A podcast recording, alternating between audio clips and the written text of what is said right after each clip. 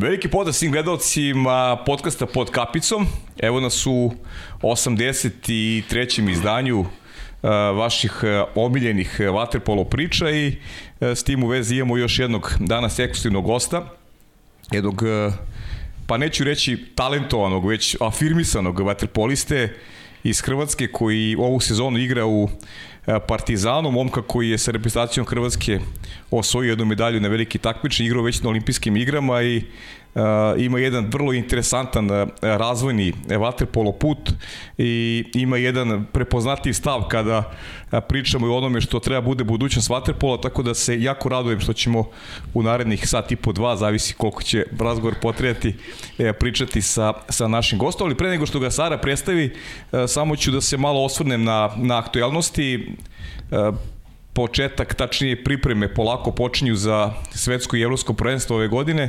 S druge strane, na klubskom nivou u Srbiji su poznati parovi polufinala čekaju nas tamo s početka sledećeg meseca super interesantni duel između Novog Beograda i Crvene zvezde i e, Partizana i Radničkog, a bliži nam se i e, finalni turnir regionalne lige gde zaista četiri fantastične ekipe će se boriti za, za najveći ulog, možda i onako u posljednjoj dekadi i najinteresantnije završnica e, klubskog regionalnog takmičenja nas očekuje. Eto, toliko za ovaj početak, ja ću moji dragoj Sari da prepusti mikrofon da najavi naših današnjeg gosta, Aleksandra nam nije tu da danas, s obzirom da ima neke druge posebne obaveze, bit će, bit će sa nama od sledećeg četvrtka.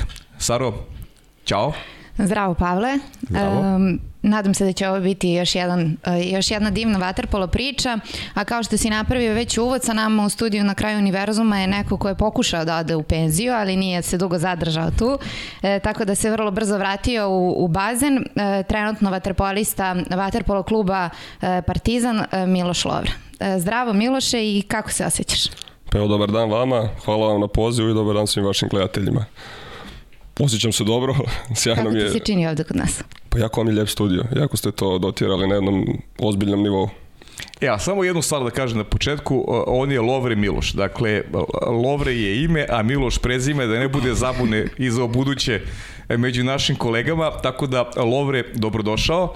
I možda je Sara, eto, dala i najbolji najbolji šlagvor za početak priče, došao si u Partizan i to u sred sezone, e, govorilo se o tome da se penzionisao, pa ajde malo nas podsjeti na, na taj period nakon završetka olimpijskih igara, kasnije ćemo pričati i o olimpijskim igrama, zašto si odlučio sa 27 godina da prekineš malo sa, sa karijerom, pa si se onda vratio i izabrao Partizan. Kako se sve to odigravalo? Pa, ne znam, eto u nekom tom trenutku meni je uvijek san bio da osvojim medalju na olimpijskim igrama. Mm -hmm. Nije se desila ta medalja, o tome ćemo i poslije. Ali od, dogodio se taj cilj odlaska na olimpijske igre koji je meni stvarno puno značio i tu me potrošio dosta i nekako onda kad se dogovarala i ta iduća sezona i oko klubova nešto nisam našao nešto što me 100% zadovoljavalo, imao sam neke svoje mogućnosti prije toga da završim karijeru, da krenem u nešto drugo i dugo sam ja lomio oko toga, nije to bilo preko noći i u tom trenutku tako je bilo, rekao sam dosta, u ovom trenutku mi se više vaterpolo ne igra, dao sam sve od sebe, stvarno sam, nisam se štedio koliko god je to doprinjelo čemu, u kojoj situaciji i odlučio sam da je to to. Mhm. Mm Međutim, onda...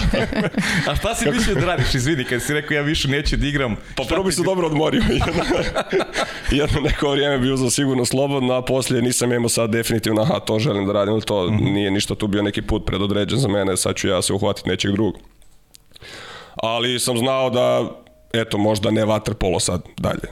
Međutim, ja sam neki prvi kontakt s Partizanom ostvario već preko ljeta i tu smo mi nismo uspeli dogovoriti i u desetom mjestu, već stvarno je bilo kasno, ja sam ne znam ni šta sam radio, jer sam igrao golf, igram golf u slobodno vrijeme, vjerovali znam, ili ne. Znam, I, ovaj, to. I tu me nazvao ovaj direktor kluba Kuljača, uh mhm. -huh. nisam točno siguran koja je pozicija, ali ja ga sam direktor. I ovaj, da dođem, da bi htjeli, da ono što smo pričali, da bi, da bi se moglo ispuniti, da bi njima bilo drago da dođem. I nekako, opet sad par dana premišljanja šta ću vamo tamo, rekao ajde. Uh mhm. -huh. I evo, za sad stvarno, kako to uvijek ispadne, mi je iznimno drago da se tako odigralo i stvarno mi je drago da sam došao. Ljudi su me sjajno primili, u klubu mi je stvarno dobro i ne znam, mislim da smo i neke dobre rezultate ostvarili što se tiče utakmica, nismo ništa osvojili, pa ne može biti, ali mhm. neke uh -huh. dobre utakmice smo odigrali i mislim da ekipa, ako ostane na okupu ovakva, da ima nekog potencijala za dalje, ali sad to -huh. Mhm. O tom potom šta će biti. Da, da i, i, ima i pitanje na tu temu, ali ajde, ostavit ćemo ih, ostavit ćemo ih za kasnije. A kako ti se, kako ti se ovaj, dopala cela priča Beograd? Mada ja znam da ti imaš konekcije radi, ajde, ne znam da, da, da pričamo o tome da ovaj, ti si tu manje više i, i, i domaći u neku ruku, tako da ovaj, nije bilo problema sa nekom adaptacijom. Pa dobro, mislim, na kraju dana Beograd je, mislim, dosta sličan, nešto mhm. kao Zagreb, puno je veći naravno i puno veći, ima nekakvih stvari koje u Zagrebu nema što se tiče sad restorana, života, puno je življi grad. Tako da mi neka adaptacija nije bila problem. Pričamo naravno isti jezik, razumijemo se, blizu mi je Zagreb na 3 sata i to su sve, opet kažem, kad sam lomio, da li bi nastavio, to su neke stvari koje sam uzimao u obzir i, uh mhm. -huh. i zato mi se Beograd svidio kao grad. Uh mhm. -huh. A pritom ima i onaj moment, e, pazi ti si sada jedan od redkih koji može da kaže da je u karijeri igrao za za dva kluba koji zadnji imaju 14 titula prvaka Evrope. Dakle, ono, ako postoji neki klubovi koji su onako vrh piramide u regionu, u, u Vatepolu, to su svakako mladost i partizan. Jesu, apsolutno, oba dva kluba bogate povesti, neko mi to već rekao, pa onda spomenuo što ti samo rekao, pa ali ja rekao ne treba, ste normalni. Tako da, ovaj, sigurno. Ali On rekao može Luka da ti priča Bukićina. Ne, on je to odradio, neka zadovoljio. da. Ovaj, Tako da kažem, ali su oba dva kluba koja, mlado se malo bila probudila, sad je opet nekakvih problema, pošto naprosto u Waterpolu uvijek, to je bitka sa financijama dan i noć, tu naprosto nema pomoći uh mhm. -huh. i Partizan se tu isto muče, mislim, to svi znamo, sad se stvarno stanje popravilo i ja se samo nadam da će se to nastaviti, da će taj, daj Bože, kontinuitet se održati, jer je to mhm. onda najteže, naravno. Uh mhm. -huh. Pa eto, pre nego što se osvrnemo na tvoju karijeru, kako se tebi čini trenutno ekipa Partizana, kakva je atmosfera unutar ekipe i kako su te prihvatili igrači? Pa stvarno iz, iznimno dobro, mislim, mislim, ja imam taj osjećaj, stvarno osjećam se kod doma, svi su me ono, prihvatili što god treba, zovi, za, za sve su mi dali savjete šta da radim, kako, di i to. I mislim da je ekipa i dobra što se tiče vaterpolske jedne kvalitete. Mislim da se tu okupila stvarno jedna dobra okosnica. Sad ne, mislim da ne treba navrati igrače, da više manje ljudi tu znaju ko je i šta je. I ovaj, iako bi se to uspjelo zadržati, da bi, kažem, pogotovo ponavljam za iduću godinu, mislim da je to dobra ekipa. A i za kraj ove sezone, kažem, igramo s radničkim koji je apsolutno po meni opet ja bih rekao favoriti jer su ipak oni osvajači Kupa Srbije. Imaju sjajne igrače, isto opet svi znamo, ali mislim da će to biti jedna dobra borba, pogotovo što mi imamo tu, ajmo reći, prednost domaćeg terena na prvu utakmicu kad krene playoff. Tako da se iznimno radujem. Ja mislim da je to dobro za sport i za gledatelje, pošto će biti zanimljive utakmice, pa da se napune tribine, pa kogod pobjedi, mislim da je to za Waterpolo super. Uh mhm. -huh. A kaži mi kako ti izgleda generalno, generalno kvalitet lige? Ne ne samo, ne samo kada govorimo o srpskom šampionatu, već i, i regionalne lige koju si imao priliku da, da igraš, ti si je tamo priključio negde od kad od, od nove godine u principu si zaigrao za prvi, propustio si onaj finalni turnir kupa, tu te nije bilo u timu, ali od tog momenta si igrao i na tim eh, regionalnim ligama. Kako ti izgleda kvalitet vaterpola, ne samo u Srbiji, već i u regionu generalno? Pa što, nekako što se ja sjećam, mislim da je ovo možda i najveća razina, ne znam da li je bilo prije deseta godina, tamo mhm. kad su Jug bili, a kad je Primorje bilo, Herceg Novi, mislim da je ova jedna fantastična razina, jer maltene cijela srpska reprezentacija igra kući. Kod nas su isto većina reprezentativaca je kući u Jadranu primarno jugu. Tako da sve te ekipe su vrhunske ekipe, igraju i ligu prvaka, konkurentne su i mislim da je to opet ta pobjeda za vaterpolo i mislim da je srpska liga nikad jača i da je regionalna liga nikad jača. I zato se iznimno veselim tom finalnom turniru gdje su četiri ekipe i stvarno ja ne mogu, možda je Novi Beograd favorit igra i kući i to, ali sigurno im neće biti lako i svaka utakmica će biti otvorena i kažem to je opet taj dobar, dobar, dobra stvar za sport i za vaterpolo jer koga zanima utakmica di završi 28 kome je to Jest. zanimljivo za gledati to, to, mm. to nema veze sa, sa sportom Da, da, to, to, to ni statistički čak ne, ne, ne, nije, nije, nije dobro. I to opet moram napomenuti da je stvarno utakmice sve koje su bile jače, bile su pune tribine i to je stvarno jedna, ajmo reći, razlika u Zagrebu je baš puno manje ljudi je dolazilo, teže je bilo napuniti. Ovdje stvarno, stvarno lakše su stvarno svaka jača utakmica su bile pune tribine. I onda je i za igrat gušti, za sve skupa je, sve ti je lakše onda. Mm. Pa dobro, ali priznaćeš e, kad, kad ili tako bilo u Zagrebu kad je mladost imala dobru ekipu. Teško je kad imaš slabiju ekipu, onda i publika nema interesovanja, ali rekao bih da, da je u Dubrovniku i Splitu da su jako sasvim korektne posete ove godine. Pa evo iskreno ove godine ne znam, nisam bio, da. ali kažem, pogotovo Split i ove godine, stvarno svaka im čast pohvala toj upravi kako god ide, mhm. jer napravili su stvarno dobru ekipu i koliko sam shvatio, mislim i da će za do godine ići, da nastave to, da se možda još malo i pojačaju mhm. i napravili su jednu super stvar. Dodali još jedan klub koji je tu konkurentan, tako da se ja i nadam onda da je posjećenost i da to ljudi isprate i da dođu i da nagrade, ajmo reći, taj trud. Uh mhm. -huh. E, gledaš Ligu šampiona? Pa pratim, ali evo to je sad opet, napravili su dve skupine. Jedna koja je nikad jača, u kojoj su sve utakmice da. zanimljive i koje uvijek gledam, a druga di su ubacili sa wild cardom, dali su, ja mislim, dva njemačka kluba i jedan klub iz Gruzije. Iz Gruzije, jeste. I to nema sad tu nikakvog disrespekta, ali te utakmice opet ono što smo pričali, nisu toliko zanimljive, tako da sam mhm. ovu grupu malo više ispratio. Mm -hmm. A sad neki, neki, neki tvoj sud, ajde, posle, posle eto, koliko je odigranih utakmici desetak, e, koga vidiš kao, kao najvećih favorite za, za osvajanje Ligi šampiona? Ili ajde, ajde možda da, da, da, da postavimo drugačije stvari. E, ko ti se najviše dopao u dosadašnjoj fazi e, takmičenja? Pa mislim, rekao je Olimpijakos da su mi tu, uh mhm. -huh. da su mi tu Olimpijakos još krenuo malo jače, imali su tu posle koju utakmicu koju su loše odigrali, ali mislim da nekako njih dvoje, plus naravno Novi Beograd je opet domaćin uh mhm. -huh. i mislim da će im to puno znači, tako da njih tri su po meni tu glavna konkurenta iako i Barcelona se istom Barceloneta se malo diže, krenuli su nekako malo slabije, ali su sad isto imali neke vrhunske rezultate, ove utakmice odigrane.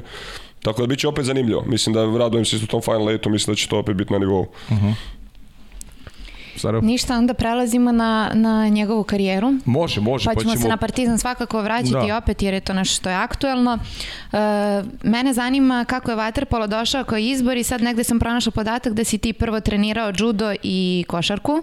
Pa kako, kako si bio u tome i kako je došlo do posle izbora za bazen i za Vaterpolo?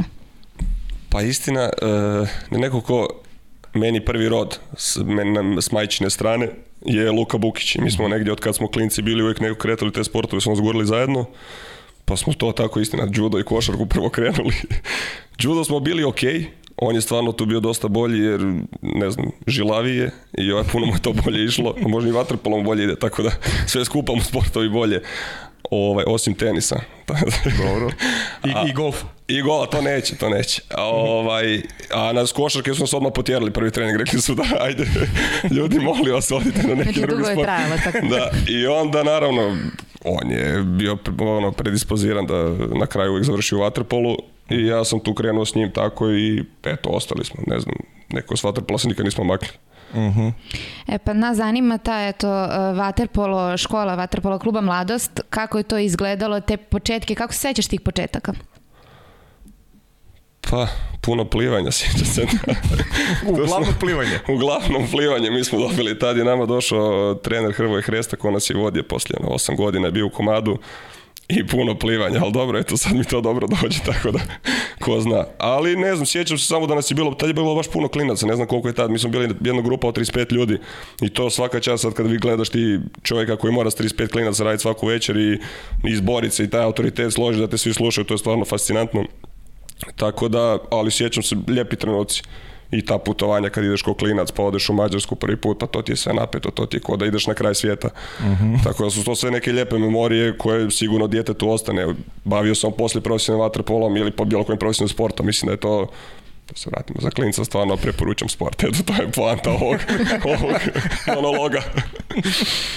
Dobro, znači e, to ti je ostalo definitivno u lepom sećanju, a sad e, kakva je situacija tada bila u Vaterpolu klubu Mladost? Da li možeš da se setiš i možda da uporediš sa onim što se danas dešava? Pa tad je situacija finansijski mislim bila bolja to se bar priča, ja ne, ja ne znam, ta, da. da, ali bila je puno bolja, mislim da je bila puno bolja svugdje u Vaterpolu. Mislim da se tad naprosto više novaca je dolazilo, lakše se dolazilo do novca u Vaterpolu. Uh, I ovaj, znam da je mladost uvijek imala konkurentnu ekipu, ali da su puno mijenjalo. Sa sjećamo, mijenjalo se 7-8 igrača svake sezone. To je, tako, tako to je naprosto bio nek, neka šema. A mhm. ovaj, I znam da su uvijek su bili konkurentni, ali uvijek je tu bio Juk koji je bio strašno jak i to je već mladost krenula opada što se tiče rezultata, ali financijski i dalje bila na nivou, a onda posle su uslijedili financijski problemi i, i onda mm.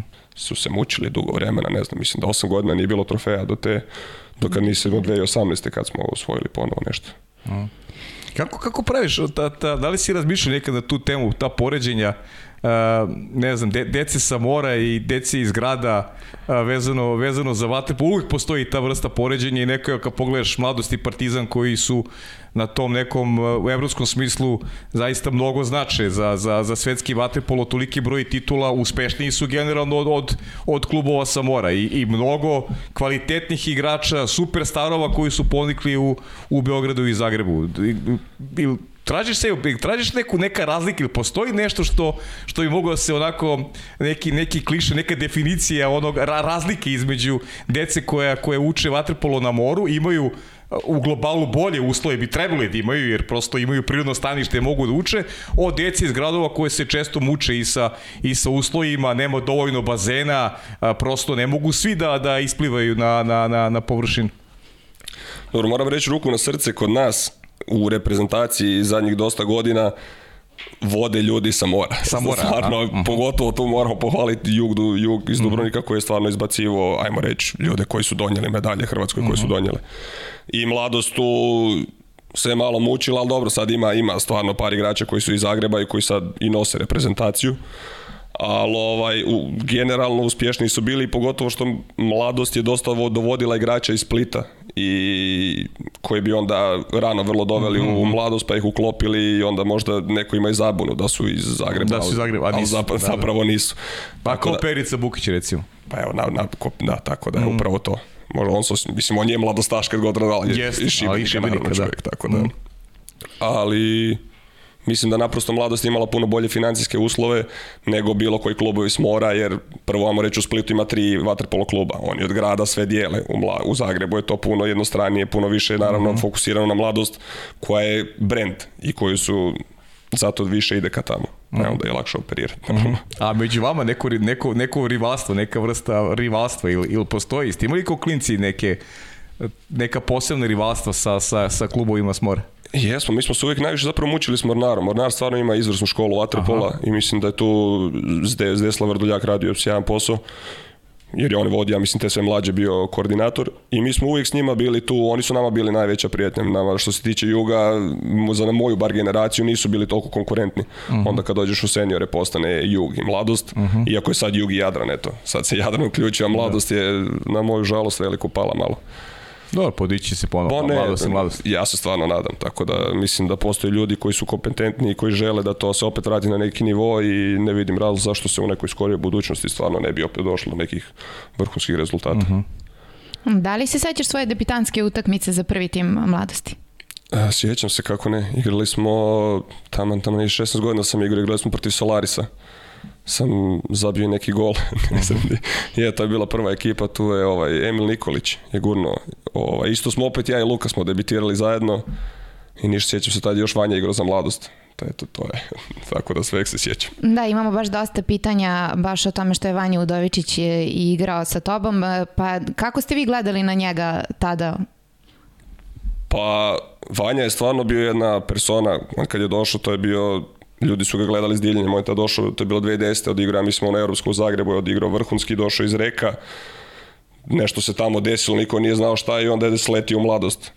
I bio je najveće pojačanje u dugo vremena, tako da stvarno su ga ljudi izniman respekt prema njemu imali, mislim on je to i vratio, osvojila su se ta dva kupa, mislim za redom i tu isto nije bilo nekakvih trofeja, dve, tri godine je bilo bez, tako da sve najbolje, samo ja sam tad bio klinac, ja sam zasrtinirao da. sa strane, nisam imao doticaja s da. njim, tako da.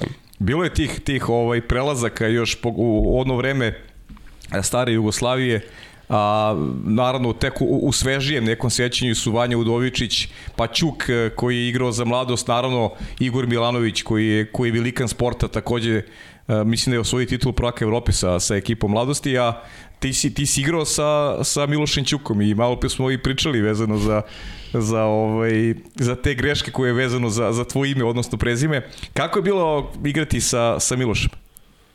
Pa vrlo lagano, ne znam, on, on stvarno po meni napravi oko sebe ljude dosta boljima, jer uh mhm. -huh. naprosto ima taj navlači, dosta igrača sebe, skreće pozornost ka sebi jer je fenomenalan šuter i onda se otvara prostor stalno svima oko njega. Tako da o njemu stvarno mogu samo sve pohvala, on još došao iz Zagreba. Isto je odigrao opet Evropsko, to u Barceloni. Uh mhm. -huh. Izvrsno je odigrao, stvarno je bio vrhunski i bio je ono pojačanje i to opet uvelike smo i zbog njega osvojili taj prvi trofej tako da o njemu stvarno sve najbolje i ko igraču i ko čovjeku. Da. Lovre, vi ste, vi ste osvojili tada uh, regionalnu ligu protiv Juga koji je zaista izgledao vrlo moćno na papiru. Na papiru su imali kvalitetniju ekipu od vas objektivno sada gledajući, to je bio gro reprezentacije Hrvatske plus strani igrači koji su igrali zaista jug moćan, ali eto, mladost je pokazala to jednoj utakmici da, da može i protiv juga. Kako On, pamtiš to? Apsolutno, ne, oni su bili veliki favoriti, pogotovo što nama, ne znam da li to ko zna, Konstantin ovaj ljevak što sad igra fantastično, Karkov, Karkov. što će postati, da, što smo ga na, ovaj, postaće, igraće za Hrvatsku, je. Mm -hmm. On tad nije igrao, on je imao tad nekih problema, naši su mu nekakve dali smetnje ili ne znam šta i on je bio van jedno pogona na mjesec, znam da smo igrali bez njega tu utakmicu, gdje je bio po meni favorit veliki. Mm I da, da li po meni njihova najlošija utakmica u dugo vremena i naša najbolje, to se mora tako poklopiti i na jednu utakmicu, jer da se ne lažemo na tri, to se nikad ne bi dogodilo kao što su oni pokazali u finalu, gdje su nas 3-0 pobjedili. Uh mhm. -huh. Ali na tu jednu utakmicu sve se može desiti, tako to se desilo i stvarno je utoliko mi je jedan od dražih trofeja, pošto smo bili, oni su bili veliki favoriti. Uh mhm. -huh. Sada idemo na deo tvoje karijere koji je možda najčudniji za, za naše gledalce i slušalce, nešto o čemu mi ovde često pričamo i često dobijamo pitanja da li je neko e, dobio ponudu da ide u Ameriku, da studira i obično su igrači skeptični po tom pitanju da li nakon toga može karijera da ide u smeru da bude i profesionalna i da, da se zaigra u reprezentaciji. Ti si neko ko je napravio taj korak i otišao u Ameriku, igrao si, tačnije otišao si na koleđ, u sklopu toga si igrao i taj vaterpolo koji nije bio na profesionalnom profesionalnom nivou. E, kako si došao uopšte na, na ideju da odeš tamo i da li si u tom trenutku uopšte razmišljao o tome da ćeš nekada opet da se vratiš u Hrvatsku i da igraš profesionalno vaterpolo? Pa ta ideja je negdje krenula otprilike godinu prije što sam trebao ići u Ameriku, ne znam više kom je to ni predložio ni kako je se o tom krenulo pričat, ali dosta ljudi je pričalo u tom trenutku jer su mhm. jedno par godina prije su baš naši igrači krenuli odlaziti i onda su samo reći otvorili vrata tamo bi pokazali da smo ok, da, se, da, da radimo dobre stvari, da pomažemo ekipi da možemo završiti školu što je njima vrlo bitno u Americi mm. jer ako te dojedu koji igrača, ti im stagniraš u školi onda radiš njima problem za druge igrače koje dovode mm. jer oni isto moraju to pravdati i tu se negdje otvorilo, meni se svidjela ta ideja, ja sam išao, idem probat, ništa me to ne košta, išlo mi se neko LA, kako klina da. 18 godina, kao, u, aj sad baš da vidim. I htio sam završiti primarnu školu, nekako, a mislim u Zagrebu da je puno teže bilo studirati nešto ozbiljno i mhm. igrat vaterpolo, dok je tamo to nekako napravljen sistem da te tjera da radiš oboje. Uh mhm. -huh. I onda sam naprosto odlučio tu idem, otišao, bilo je nekih problema na početku, uopće glupo govori kad dođeš u stranu zemlju, tako klinac, sve ti je drugačije, niko ne priča ono, po naše, engleski ti je upitan, uh mhm. -huh. ali eto, nekako snađeš se ako ti je to da završiš školu, da uhvatiš taj engleski, mislim da je to super stvar. Ja, kaži mi sad, šta, šta, šta si ti po, po, po struci, što se kaže, koje je tvoje zvanje? Ja sam e, ekonomiju završio. Ekonomiju da, završio, aha. Business economics degree mm -hmm. i mhm. završio sam minor u psihologiji. Sad, bravo, super. Got imam, ne, diplomu imam sad. Bravo, bravo. Eto. Da li si imao mhm. nekog sa naših prostora tada tamo ili si bio apsolutno sam? E, imao sam, naravno, kad sam e, došao ovaj, prvu godinu, na, baš na faksu sa mnom nikog nije bilo. Ja sam prvu godinu bio na UCLA-u na fakultetu i tu mi je bio najveći problem, ali u blizini, u gradu pokraj mi je živio prijatelj iz reprezentacije, da jako Belamarić, nisam baš bio dobar, sam dobar, i ovaj, I on mi je tu puno pomagao, on stvarno da se prilagodim, jer je on već godinu ranije otišao i tu mi je znači, ono, puno mi je baš značio. I onda nakon prve sap godine prebacio na University of California Irvine, se zove fakultet, i tu mi je pomoć trener bio dečko iz Beograda, Miloš Kaljac, s kojim mhm. sam sad, one, on je tu i ja sam tu, tako da smo se opet spojili nakon ne znam koliko godina. Ovaj, i s njima mi stvarno oni su mi tu to iskustvo sve skupa olakšali, ali onda nakon godine dana tamo osjećaš se ko, ko da si doma, tamo već nađeš postane ti rutina, nađeš, skompaš sa Amerikancima i tako. Mm -hmm.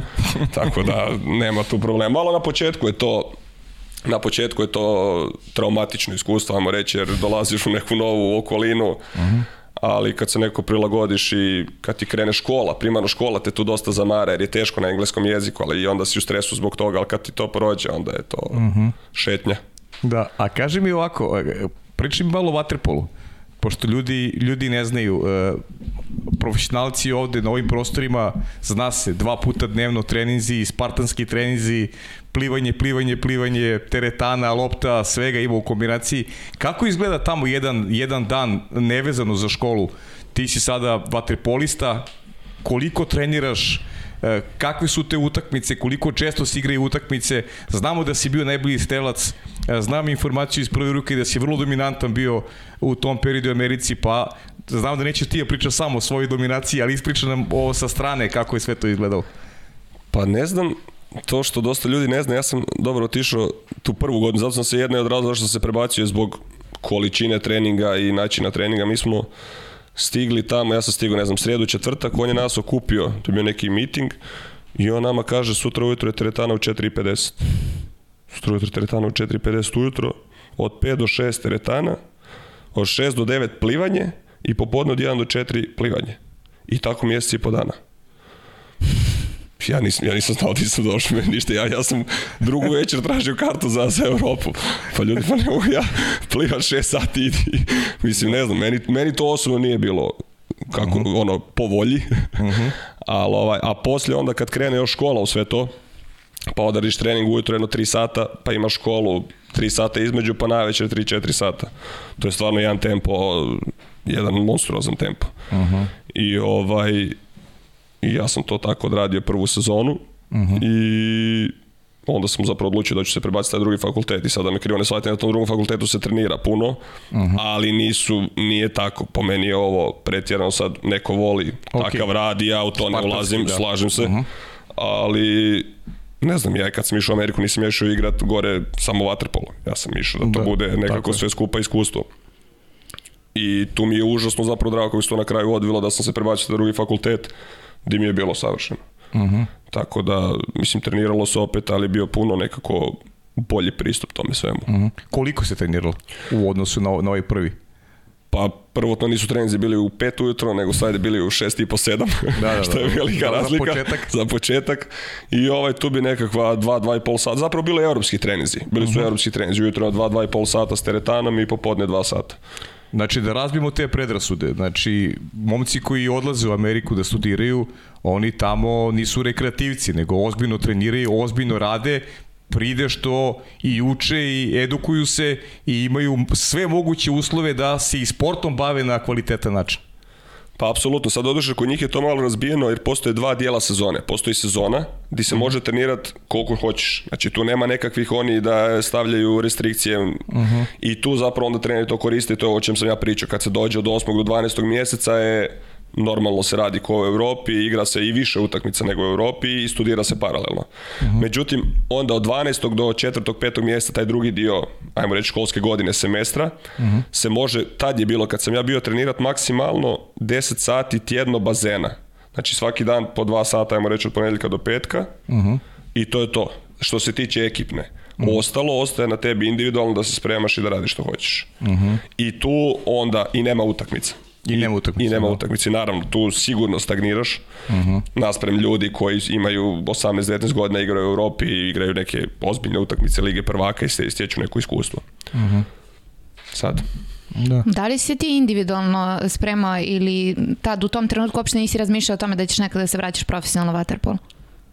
Pa nisam tad imao neki plan, da sad ću se sigurno vratiti, neću se vratiti, naprosto sam bio tamo u tom trenutku i živio sam s tim, završit ću fakultet, igrao sam tamo, spremao sam se individualno više manje i otišli bi mi iz ekipe, pa bi to više bilo neko zezanje, nije to bio ozbiljan mhm. trening. Mm -hmm. Ovaj, kažem, ali mislim fizički nekako, ako ti se hoćeš kad se spremiš, možeš se ti spremiti posle, znači da ne treniraš, ti gubiš više u tom nekom napretku taktičkom, u tom igračkom dijelu nego fizičkom. Fizički sam možda, tad sam napredo puno, tamo je radi baš teretana na jednom višem nivou, sam mislim dobio jedno 15 kila tamo od kad sam došao. Uh mhm. -huh. Tako da iz tog fizičkog dijela mislim da sam napredovao tamo, ali sam sigurno nazadovao igrački, to jest možda bi se više razvio, ajmo reći, da, da, tehnički, u nekim da. tim tehničkim segmentima da sam ostao ovdje. Uh mhm. -huh. Ko to zna, to je sve. A kaži mi, koliko ima trenera tamo, ili ima trenera sa naših prostora na, na tim uh, univerzitetima i, i, i, i kad pričamo o samoj ligi, ili to, uh, koliko je to nalik na nešto što je nama u Evropi nekako najprihvatljivije, recimo gledamo NCAA košarku, tako gledamo tu koleđ košarku koja je zaista interesantna za gledanje, na kom nivou je, na kom nivou je vaterpolo, ili... Uh, ili si postigao neki rezultat, ajde sad te pita malo, banalizujem stvari, prosto, prosto ne znam kako je tvoj univerzitet završio e, te neke lige koje si ti igrao, postoji ta vrsta takmiča da ti negde sebe odmeriš e, u, u konkurenciji sa momcima sa, sa drugih univerziteta? Pa ima, ne, ima, to je naprosto, i oni imaju par tih divizija, onda je svake divizije ko pobijedi diviziju, ajmo reći ide na taj NC2A, mi nismo, mi smo igrali finale te divizije, Aha. tu smo izgubili par puta, ovaj, ali nekako Kaž, slično je, ajmo reći, kao taj basket. Tu se mm -hmm. oni nagomilaju to, opet što sam to rekao, u tri mjeseca i tu se jedno igra 35-40 utakmica. Da. Tako da je to, znaš, po vikendu odigra 3-4 utakmice. Mm -hmm. Jer oni tako to određuju, moraš odraditi u semestar, da u drugom semestru imaš vremena primarno za školu. To je, to je njihova ta neka filozofija. Sad, na kojem je to nekom nivou, to mi je užasno teško usporediti. Da, da, Ima sve, naši, sve više i više naših igrača koji dolaze, mm -hmm. to je mhm. stvarno istina, i vraćaju se, Mm -hmm. I mhm. tipa, ne znam, znam da je u mladosti sad igra Marin Dašić, on je igrao na USU. Mm -hmm. Po meni stvarno veliki, mislim, da, talent, do, dobar mm -hmm. igrač, mislim da mhm. stvarno može igrati jedan ozbiljan nivo. Na kraju sad u Partizanu igraju i Alex Bowen i Marko Vavić koji su igrali mhm. koleđ, mm -hmm. isto sad igraju ovdje na nekom jako ozbiljnom nivou. A što se tiče trenera, ima Jovan Vavić koji je bio da. na USU, koji je napravio rezultate koje su mi onda će ikad ponoviti, možda i u bilo kojem sportu. Nekakvih 12 ih to je titula, neke Mhm. famozne stvari, tako da mhm. od ostalih nekih naših nad, baš da je na, na univerzitetu možda ja ne znam, ali evo sad Ako i je, ja se ispričavam, a da sam ga da, zaboravio. Okay, pa, dobro, dobro. A, ali imaš nekih igrača sa kojima si delio bazen, igrao protiv njih, da su sada igraju na nekom, evropsku, nekom evropskom klubu i imaju neki potencijal u neko vreme tvog studiranja, je ti baš neko ostao upečatljiv? Pa ima Alex Bowen, ja sam Alex s njim on je godinu stariji od mene. Godinu stariji od da, tebe, Bowen, aha. Tako da smo mi tu igrali uh mhm. -huh. i on je i tamo stvarno bio, vel, ono, svidlo se da, da je talent. I samo uh mhm. -huh. on ima baš tu želju, dosta Amerikanaca. Mi zato i sa Amerikom i sa Australijom problem, nakon Olimpijskih igara puno njih odustane. I, pun, Aha, da. i tu oni izgube puno od tih glavnih igrača, ne mogu se zadržati da onda neki kontinuitet naprave, pa naprave ekipu ozbiljno. A on baš živi vaterpolo i on to hoće igra dokad može. Tako da, mm -hmm. to je njima jedna velika sreća po meni da imaju mm -hmm. takvog igrača. Mm -hmm. Meni je strašno zanimljiva ova tema sad, Saro, vjerojatno i tebe zanima. Šta si još radio Leju i si? E pa baš to je malo. Da, tako, da. a? Čisto da zaokružimo ovu priču sa Los Angelesom pre nego što pređemo na video pitanja, da nam ispriča, da nam dočaraš malo taj život tamo. Pa mislim, dobro, kad si na fakultetu i kad e, imaš vaterpolo, nemaš ti sad tu nešto ludo puno vremena. Mm -hmm. To, bar taj prvi dio i kad je sezona, meni je bila sreća što ja poslije na drugom fakultetu, kad sam se prebacio, ja sam živio 20 metara od plaže, mislim, živio u nju prdiću. Aha. Tako da je to, to je bilo vrhunski, mislim, što se tiče sunce, ideš okolo, mislim neka igra spikeball svaki dan možeš ići u more Aha. i to je veliki plus a što se tiče što možeš raditi okolo odeš do Eleja sad ne pričam mislim ne znam da. ne, okay. ima stvarno svašta da, ne moraš da nam pričaš to svašta to neko ostane za tebe ali recimo sport ajde se fokusiramo na sport i si išao malo da gledaš bio ne znam neki hokej košarku nešto ne bio sam pojma. naravno na, na Lakersima u Staples na Lakersima aha, naravno, bio sam samo to mi je nikad ne prežaljeno što nisam išao dok je još Kobe igrao jer ja tamo kad da. sam nešto došao Kobe se ozlijedio on je pokidao ono ahile, ah, ahile, ovo ahilevu tetivu Aha. i onda nešto tu dok se nije vratio, ako njega nikad nisam gledao. I to mi je neprežaljeno. Da. I bio sam dobro sad nekim golf eventima. ali to... da, o golfu ćemo posle, znam da ti golf pasije, ovaj, to pričat ćemo o tome posebno, da znaš, hoćemo na... Pa ajde, imamo ih četiri, Ajmo možemo da, da krenemo sa prvim, da. Ćao, pozdrav svima u studiju i svim gledalcima. A ja ću sada postaviti pitanje mom prijatelju Milošu, odnosno Lovretu a to je da mi kaže kako se do sada snašao u Beogradu, koji mu je omiljeni klub u Beogradu i koju pesmu najviše voli da naruči u Skadarli. Pozdrav!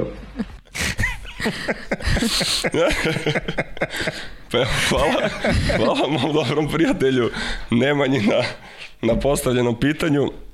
U Beogradu sam se snašao dobro, tu bi se i njemu primarno zahvalio što mi je bio velika ispomoć i pomogao mi i pokazao di se izlazi, šta se izlazi i kako se izlazi. A, ovaj, a što se tiče najdraže pjesme, o tom ne bi ako ne moram. ne moraš, naravno da ne moraš. Naravno, pasit ćemo da... Znamo da si u Skadarli, dobro, to znamo da ideš u Skadarli. Pa... To, pa to su me oni vodili. Pa Ko ne voli, neki izvoli, pa. dobro. ja idem di da me povedu. To, pa, tako je. A omiljeni klub? Ili je to onda Skadarli? Ne znam, nema, ja ne, ne idem baš po klubovima. Okay. Pa ne, mislio je na sportki, na partizan. Na to, to, pa, dobro, jedan jedini. Pa na da, to je mislio, pa da. Ništa, ajde da, da, da se vratimo na ove malo ozbiljnije teme. Uh, kad, si, kad si odlučio da ćeš da se vratiš u Hrvatsku i da nastaviš sa vaterpolom profesionalno? Pa, kako sam ja završao, ja sam u 12. mjesecu, ja sam 4,5 godine na kraju ostao to imaju, oni imaju taj jednu sezonu kad možeš reći, da to zovu ti pauziraš, ne igraš vaterpolo, da bi sačuvali neke igrače i napravili ekipu bolju za do godine. I onda ostaneš odigraš samo taj prvi dio sezone do 12. mjeseca jer si školu završio primarno, samo igraš vaterpolo.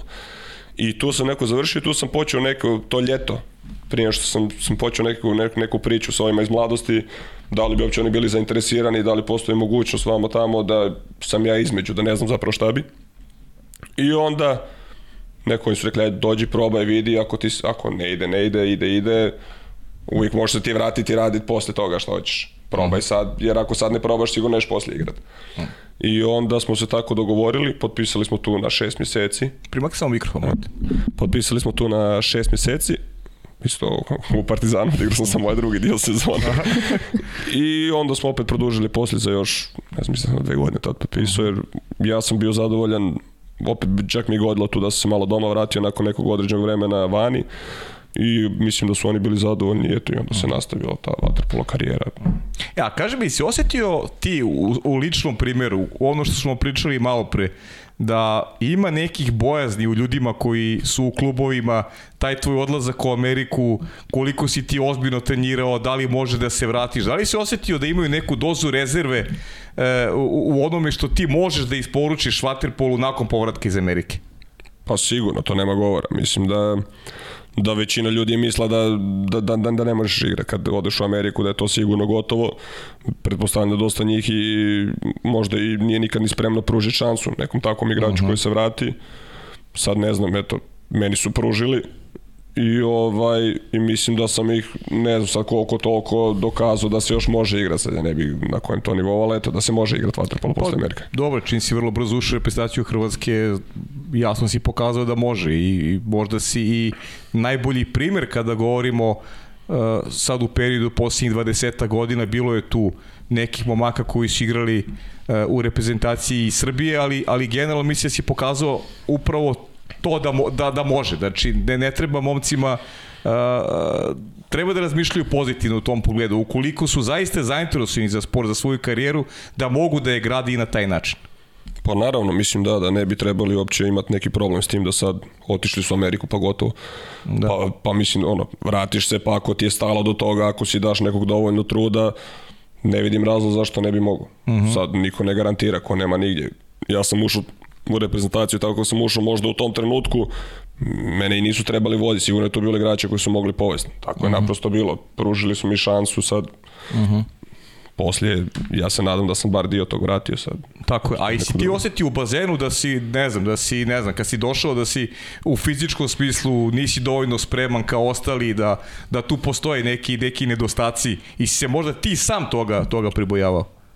Pa ne, u fizičkom kažem, Amerikanci ako nešto znaju, oni rade na toj fizici. Da, da. Tako da stvarno što se tog tičem, plivanja i te neke sad nisam ja neki fizički jak igrač, ali mm. sam bio ok da mogu igrat na tom nivou. Mm. To mi mm-hmm. nije bilo čak. Mislim da mi je bio plus što sam se vratio pa sam htio dokazati pa mi volja bila na nekom većem nivou Aha. nego dosta igrača koji ovdje već igraju 20. sezonu i osvajaju trofeje. Da. da, barem tako jer smo mi tad došli pa smo igrali protiv Juga i oni su osvojili ta 10 trofeja za redom kup prvenstva. Uh mhm. -huh. Tako da mislim da mi je to vjerojatno bio i plus meni osobno. Lakše mi je bilo, ja nisam stvarno imao ništa za izgubiti. Šta mene sad ja ne odigram dobro, pa šta ima veze? Da, da, jasno. Amerikanac koga briga. Aha, tako da.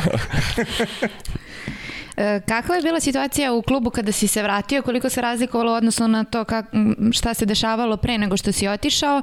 E, I sam si istakao da osam godina tada mladost nije uzela e, ništa. Kad si se vratio, onda su nekako krenuli da se nižu ti trofeji. Pa sigurno je, kad sam otišao, mladost bila konkurentnija malo, jer tad je bilo jako primorje iznimno i bio jak jug mladosti tu nešto, mislim u polufinalu je čak dobila primorje možda god nakon što sam ja otišao ali tu su već, već je krenuo pad. Nisu bili ni blizu neki favoriti i kad sam se ja vratio isto je Jug bio izniman favorit. I baš su bile puno jača ekipa, to Jug i godinu prije osvojio Ligu prvaka. Mm -hmm. Jug je bio baš, baš nikad jači.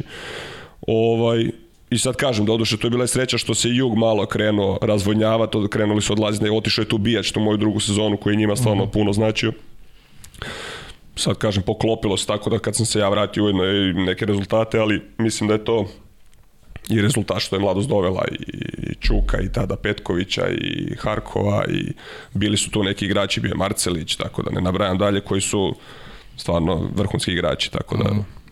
nekako je krenulo oni ka dolje, mi malo ka gore i to je to. Da, dakle uzeo si dva puta regionalnu ligu, ako se ne varam, i kup Hrvatske i sad dodaj šta mi još tu fali od tih trofeja i koji ti je najdraži? Osvojili smo dva put regionalno, dva put kup jedno prvenstvo. Uh mhm. -huh. A najdraže mi je Pa prvenstvo sigurno, pošto što ga je najteže osvojiti, jer je na tri dobivene. Tako je. Što smo okrenuli, gubili smo 2-0, dobili smo jug usred Dubrovnika tu petu i to mi je iznimno drago što je Kozmin zabio zadnji peterac da završi karijeru.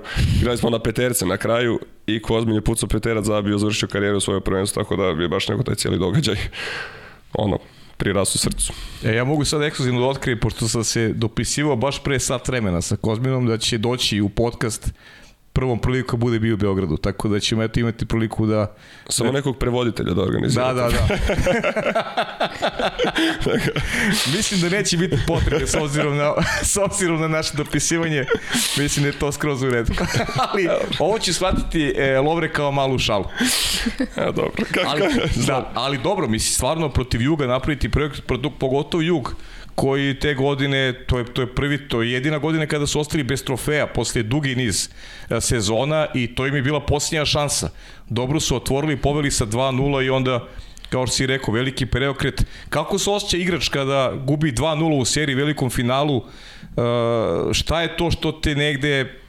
Znam da mnogi dignu ruke, Prosto, znaš, digneš ruke, znaš da pobediš tri puta neko ko je na papiru bolji. Šta te to motiviše? Kako se podigneš da, da, da, da, da ne kloneš i da, i da odigraš maksimalno, maksimalno nastavku? Pa mislim, neke, neke stvari tu već ka kraju sezone se videlo da ne funkcioniraju u mladosti. Mm -hmm. Sad, iz svakoj, svakakvih razloga i financije su tu dosta bile jedan od problema i neki drugi koji ne bi sada i zato mislim da smo mi te dve utakmice izgubili lakše nego što smo objektivno trebali. Uh mhm. -huh. Jer mi ja čak možda bi rekao da smo na papiru te ekipe bili, te godine bili bolja ekipa. I mi smo mhm. ih pobijedili smo ih u kupu, izgubili smo tu regionalnu ligu, tad smo izgubili od Radničkog u polufinalu na mhm. peterce. Uh -huh. Da. I krenuli smo 2-0 gdje je Obradović dodušao odigrao prve dve utakmice fantastično ako se sjećam, tu nas je Paulo. Ubio nas je, da. I ovaj I onda smo mi nekako se skupili doslovno igrači, pa kao ajmo probat, ajde bar ne bude 3-0 pa da dobijemo jednu, pa ok, ako su bolji, bolji. Međutim, kad ih dobiješ tu u Dubrovniku, onda je 2-1 pa dolaze u Zagreb, tu je puno lakše, tu je bilo 2-2 i ta treća je bila, ja, kako utakmica, mislim da je 7-6, zabili su oni gol 5 sekundi do kraja, Čavi zabio gol i onda na peterce. I tako, uh mhm. -huh ne znam, ne, ne, ne mogu reći šta je presudilo, ali mislim da, da su naprosto igrači skupili i krenule. Kad dobiš prvo, onda odmah iduće je lakše igrati. Uh mhm. -huh. Nisi šutirao peterac? E, jesam, jesam, ja sam zabio prije Kozmine, onda je... A ti si pre Kozmina? Pre Kozmina, onda je Kozmin za, za pobjedu. Kozmin za pobjedu, dobro. Dobro, da znam šta da ga pitam kad bude došao. Da, da. Hoćemo na, na drugo video pitanje. Pozdrav Cimi, znam da uživaš u Beogradu sad, ali mene zanima dok si igrao u Zagrebu, ko ti je bio najdrži trener ili možda neko s kojim je ponovno od trenera htio surađivati ponovno u budućnosti? Pozdrav. Pozdrav za Luku Bukića, veliki. Ja pozdrav mom Cimeru, kako je rekao. Ovaj, e, od trenera, pa ne znam, ne bi, ne bi imenovao nekog sad s kojim je bilo baš izvrsno zaraditi u uh mhm. -huh. Zagrebu, ne znam, spomenuo bi eto Hrvoja Hrestaka, koji me kod dijete koji mi je bio mhm. najduže i Dubravka Šimenca koji je moj savjetnik, tako da eto to od njih dvoje. Uh mhm. -huh. Dubravko Šimenca ovaj, e, zamolit ćete ovaj, za, za kontakt, pa nadam se da ćemo i Dudu ugostiti jednom prilikom, da će biti volji i onda. Eto, to vam je jedan super podcast, apsolutno. Da, da, biće, biće nam zadovoljstvo. E, tu ćete ima dosta tema za prođe, tu ne fali i vaterpolskih, tako da. biće nam zadovoljstvo svakako. Mi smo dobili mnogo pitanja o tome šta ti planiraš u narednom periodu? Znamo da si do kraja sezone sigurno u Partizanu. Da li uopšte sad gledaš nadalje šta i kako ili Nemaš neki dugoročni plan?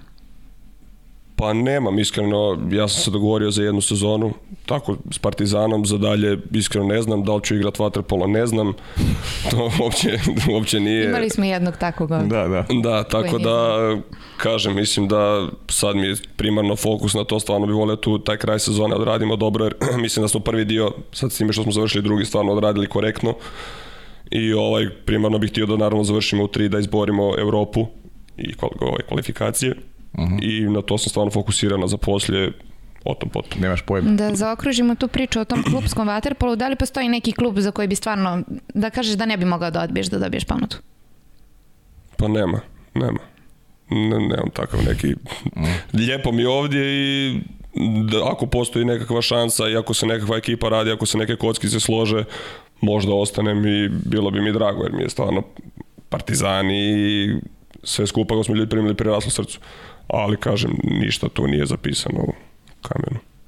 Al dobro, ajde da, da, da pa, prođemo tu repestinu karijeru tvoju. Ti si nakon povratke iz Amerike ubrzo dobio i, i poziv selektora, pa i se sećaš momenta kad si prvi put pozvan, e, kad si ovaj debitovao za, za nacionalni tim?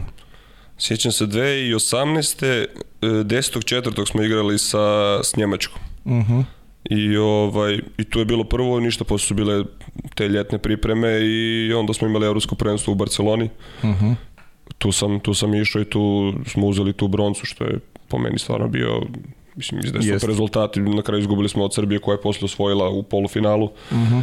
I ovaj, jako lijepo iskustvo, ništa. Da, to ono, ono finale Srbije sa, sa Španijom na peterce, E, to jeste bio onako jedan dobar zamajac, e, dobar rezultat za, za hrvatski nacionalni tim i verujem da ti to nekako onako posebnu emociju imaš, s obzirom da je to i tvoj, tvoj prvi trofej koji si osvojio sa, sa reprezentacijom. Da, da li smatraš da, su, da je se u tom momentu moglo više i kakav je tvoj pogled, eto, tvoje prvo veliko takmičenje uh, E, da li fokus ono isključivo bazen ili si ima vremena za, ne znam, popričati sa nekim i izaći malo prošetati i gde se tu usmerava energija ili ipak traje, desetak dana traje veliko pa, takmiče. mi smo imali sreću, mislim, meni je bilo prvo nađenje, tako sam ja dosta onako morao, tu paziš šta radiš, naravno Aha. ne smiješ, ovaj, ništa, ali imali smo sreću što je Vrli tad igrao u Barceloni Vrlić i onda nam je on i rekao, i to je vodio nas restorane koje da obiđemo, tako da smo taj gastronomski dio dobro odradili, dobro. za svaku pohvalu Barcelona.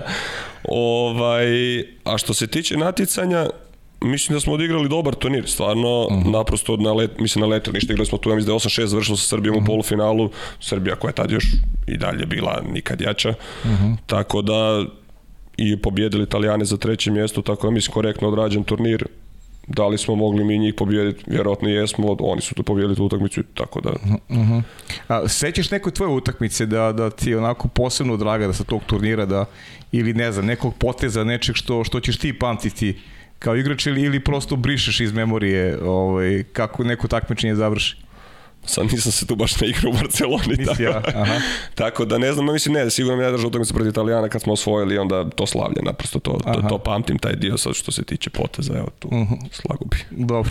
E, godinu dana kasnije svjetsko prvenstvo u Guangzhou i iskreno ću ti reći, ja sam nekako tu video Hrvatsku kao glavnog favorite za, za osvajanje titule, e, s obzirom i na i na sastav Srbije na tom prvenstvu i na, pa i na okolnosti, prosto na, na neki momentum koji je meni makar izgledao da, da je Hrvatska na jednom dobrom putu. Pritom krenuli ste fantastično, dominantno igrali i kroz grupu, Pa eto, mislim i mi smo mislili da smo tu mm stvarno favoriti jedni od nekako smo se tako videli, pogotovo da znali smo da Srbija ne igra.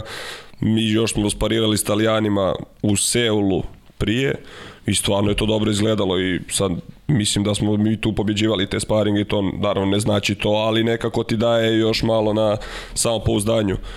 I te špa, i Španjolci koji su nam dolazili u polufinalu, mi smo pobijedili, ja mislim, prije toga tri ili četiri puta za redom.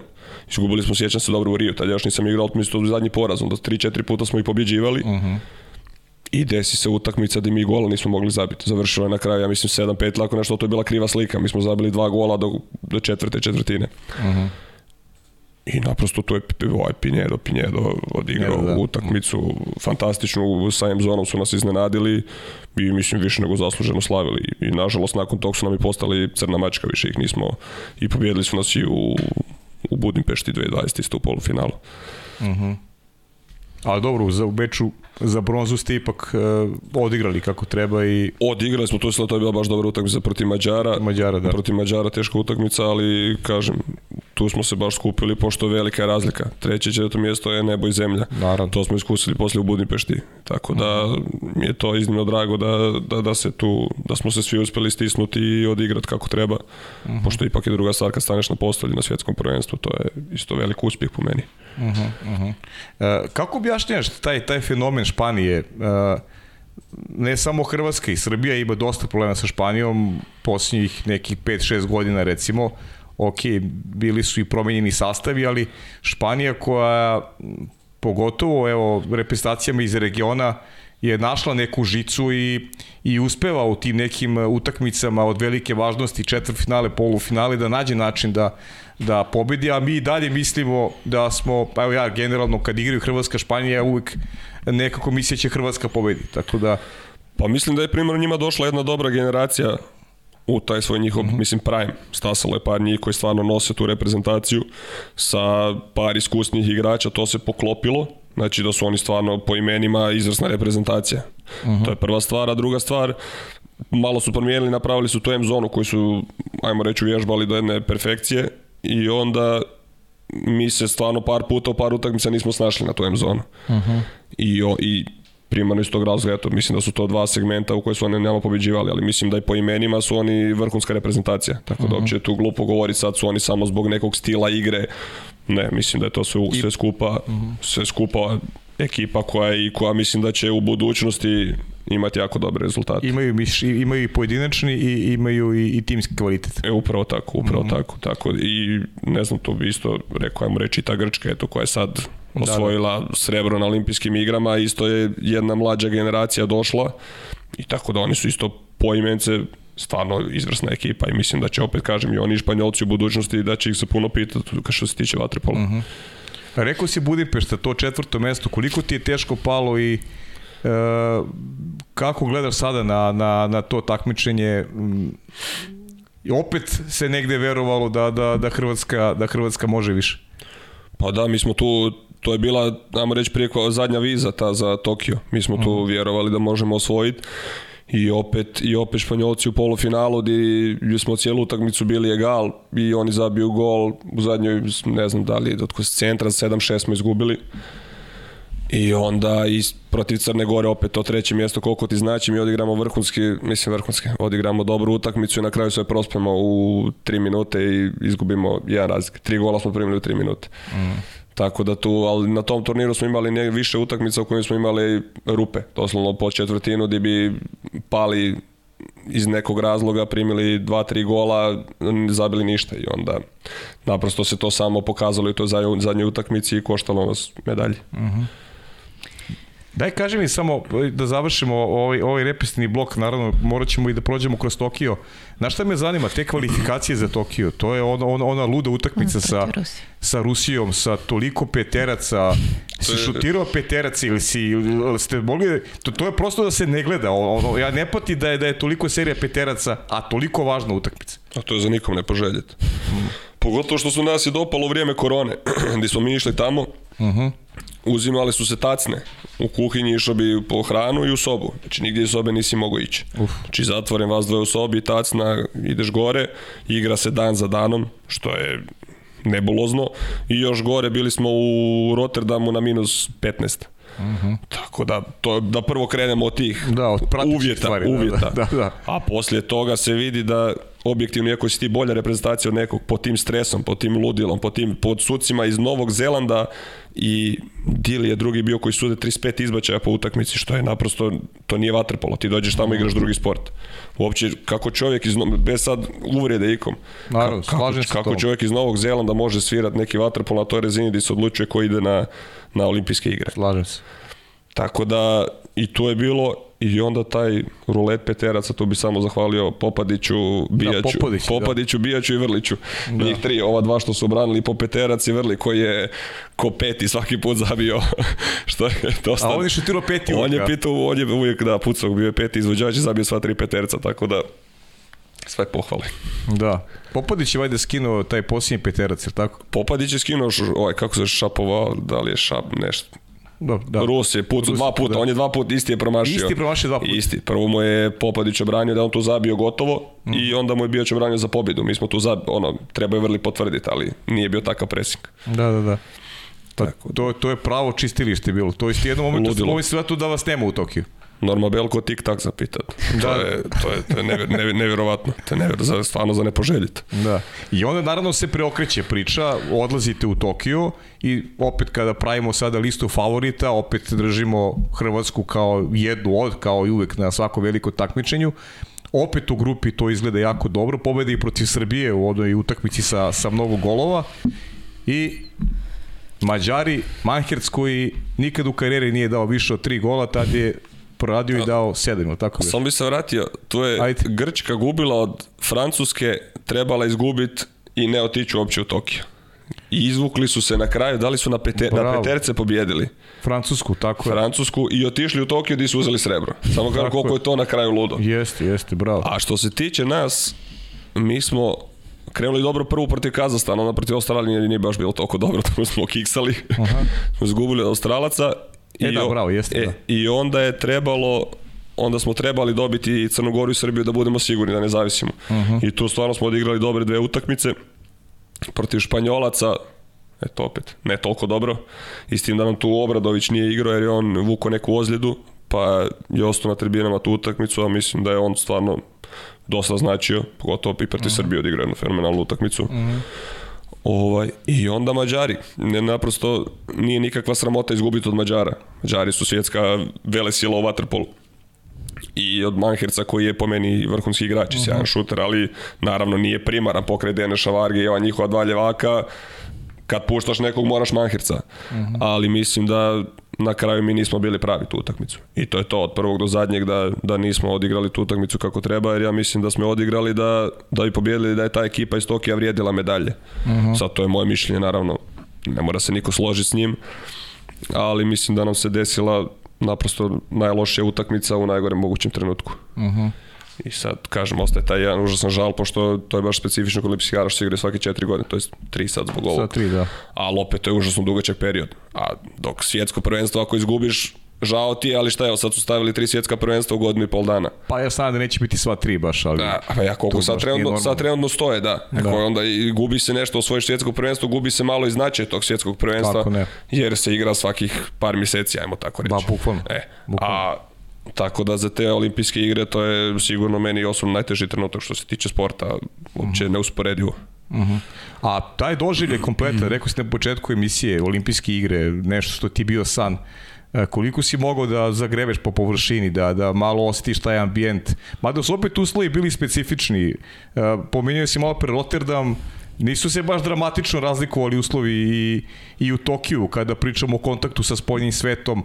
Da li se mogao da ostaviš taj ambijent olimpijskih igara? Pa ne baš, u, u tom selo se nekako osjeti, iako su dosta ljudi bili u strahu, pogotovo da ne dobiju koronu pa ne mogu nastupat, pa si se spremao 45 godina za ništa.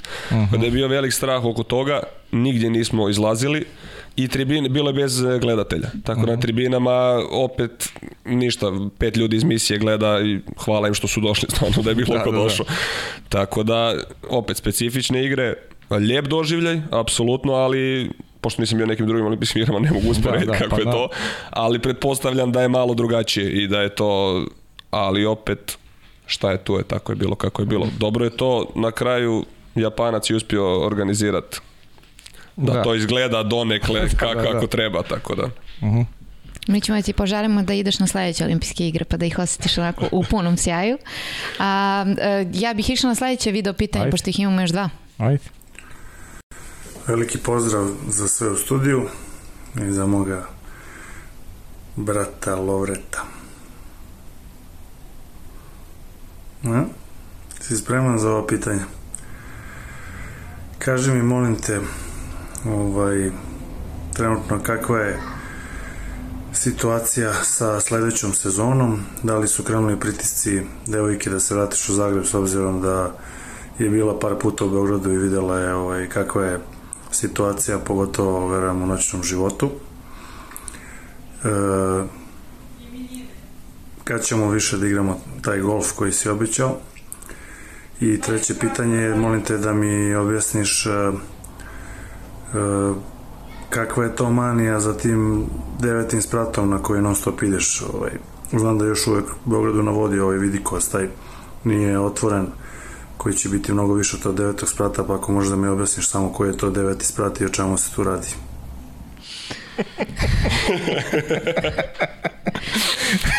pa, ovaj, puno pitanja postavio, imamo pravo postaviti toliko pitanja, pa, pa nije... Pa eto, na, nametno Nije ovo konferencija za šta. Nametno se, nametno se. Bio je dva puta postiće nam kolega ovim tempom. Pa da. pa ovaj, Prvo za iduću sezonu, ko što sam rekao, ponavljam, ne znam. Dobro. Tako da, sigurno tu ta odluka neće biti sama, nego će biti u, u konzultacijama sa određenim ljudima, Dobro. tako i djevojkom, naravno. Dobro. Ovaj, Šta je bilo drugo? Golf. Pa golf. Nikako da ga uhvatim. Sad još se kandidirao za predsednika, pa to, ne, pa to nema šanse. I u, ja, evo, sad ne znam da li mu želim da pobijedi, da ne pobijedi. Ovako čovjek ima previše obveza. Pa on se priprema za funkciju gde je golf bi onako... Iako, i, išlo bi, to bi, išlo da. bi to uz imidž neki. To stvarno je sport za njega. Tako da ja se nadam da ćemo imati priliku da, da, da to isprobamo. Dobro. I treće pitanje. A za ovaj deveti, sprat... deveti mi to možda, ne znam da li ste imali ni Nemanju Vicu, da li ste ga imali u... Bić. E pa onda Bić. možda njemu da preusmjerite to pitanje oko devetog sprata. Dobro. pa ovo, eto.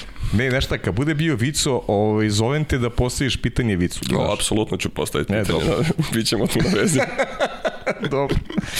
E, pričali smo o, o Tokiju, pa naravno, neizbježno pitanje ove kolege sa kojima sada igraš Srbija dva olimpijska zlata, čitao sam negdje da si pisao, da si podelio malo kada govorimo o, o nekim generacijama i reprezentacijama koje su beležili istoriju sporta, da si negde svrstao i ovu, ovu srpsku generaciju koja, se, koja je sada sišla sa, sa najveće scene. Pa, apsolutno, mislim, nekako nemoguće ne. Mislim da su pa vjerovatno i najbolja generacija koja je ikad igrala, pogotovo koliko su stvari osvojili, jer su oni uz dva puta su bili olimpijski pobjednici, bili su i koliko, četiri, pet puta evropski prva, pobjednici, tako. prvaci, dva puta svjetski i tako da mislim da su sve skupa za okruže svjetskih liga imaju, ne znam, ne znam im se broja. Uh mhm. -huh. Tako da, vrlo vjerojatno, možda tu kad ti pada na pamet moraš pomenuti Mađare s te tri mm -hmm. zlatne olimpijske, olimpijske medalje. Da. Koliko god su oni u dva finala igrali, ja mislim u jednom s Rusijom, u drugom s Amerikom. Mm -hmm. Pa, ali opet, ok i naravno, to su sve isto velikani, velikani sporta. Tako Jeste. da mi je zapravo iznimno drago što imam priliku igrati sa Stefanom, to jest imao sam do sad nedavno, i sa ovaj, Aleksićem, tako da... Dobro, sad ćeš igrati sa Stefanom golf. Ali kasnije ćemo pričati još o golfu. A kaži mi, ovaj, e, moramo da se dotaknemo i tvoje neke budućnosti represtine. E, nemate sada na, na spisku Ivice Tucka. E, šta se dešava tu, naravno imaš li ambicije, želje, da, što kaže Sara, držimo ti fige da se pojaviš u Parizu, ali koliko je to realno i, i kakvi su tvoji planovi vezano za, za, za tu temu? Pa ne znam, stvarno da, nisam na spisku, niti je kontakta bilo, uh mhm. -huh. niti mislim, po meni u ovom trenutku stvarno mislim da Hrvatska ima jednu opet izvrsnu ekipu i mislim po meni da su jedni od favorita za medalju sigurno. Uh mhm. -huh. Tako da ja to uopće nema možda ni potrebe u ovom trenutku, a ovaj ukoliko poziv dođe, onda ćemo vidjeti kad poziv dođe, da. naravno nema. Ja nekako uvijek bi igrao za reprezentaciju, jer po meni da, da. se vaterpolo igra da igraš za reprezentaciju, koliko god je klub bitan. Mhm. Reprezentativna odličja su ona koja se na kraju broje. Uh -huh, uh -huh. Ali, kažem, pošto smo daleko od toga svega, možda nema potrebe da sad govorimo šta bi bilo kad bi bilo. Uh mhm. -huh. Pa, svetska cena je malo, malo promenjena apropo te priče odlazaka velikog broja igrača iskustijih, ne samo iz hrvatske i srpske reprezentacije. Mnogi su onako korigovali, pa i Španci u krajnjem slučaju malo koriguju reprezentaciju. Kako te izgleda sad trenutno aktualna scena i čekaju nas dva velike takmične svetsko i evropsko prvenstvo, biće zabavno zagledati naravno. E, koje ti tu reprezentacije vidiš kao, kao onako pretendente na, na prvosvetski svetski, pa onda na evropski tron? Pa stvarno, bit će zanimljivo, pošto teško je reći. Stvarno, bit će mm -hmm. velikih izmjena u svim reprezentacijama. Ali ja mislim da opet na kraju dana je Hrvatska i Srbija da su favoriti za mhm. isto kao što i Španjolska i Grčka su pomenite dve ekipe koje imaju dobru generaciju koja dolazi koja koja će sigurno trajati bar jedno dugo vrijeme. Uh, I, i sviđa mi se iskreno i Crna Gora kako izgleda, isto ima puno mlađih igrača. Uh mhm, -huh. Tako da na mhm. kraju zapravo scena ostaje ista da tih jedno 5-6 reprezentacija svak može tu osvojiti. Da ne zaboravim Mađari, Italijane, ali nemam sad jedno koji bi rekao aha ovi sigurno, pošto je teško jer naprosto uh mhm. -huh. bilo puno promjena. Ali aprosto, ne mislim da i ko ispo iz te konkurencije da sigurno kao sad moraju napraviti novu ekipu, treba će im nešto vremena. Po meni su svi, kažem, apsolutno konkurentni. Uh -huh. Evo, pre nego što prepustim Pavlu da te pita što se tiče samog vaterpola, kako bi, šta bi moglo sve da se promeni, kako bi bio eto, i atraktivniji za, za gledanje. E, koleginica naša Aleksandra koja danas nije sa nama, ona voli da pita naše goste s obzirom da planiramo da dovedemo e, nekog sudiju.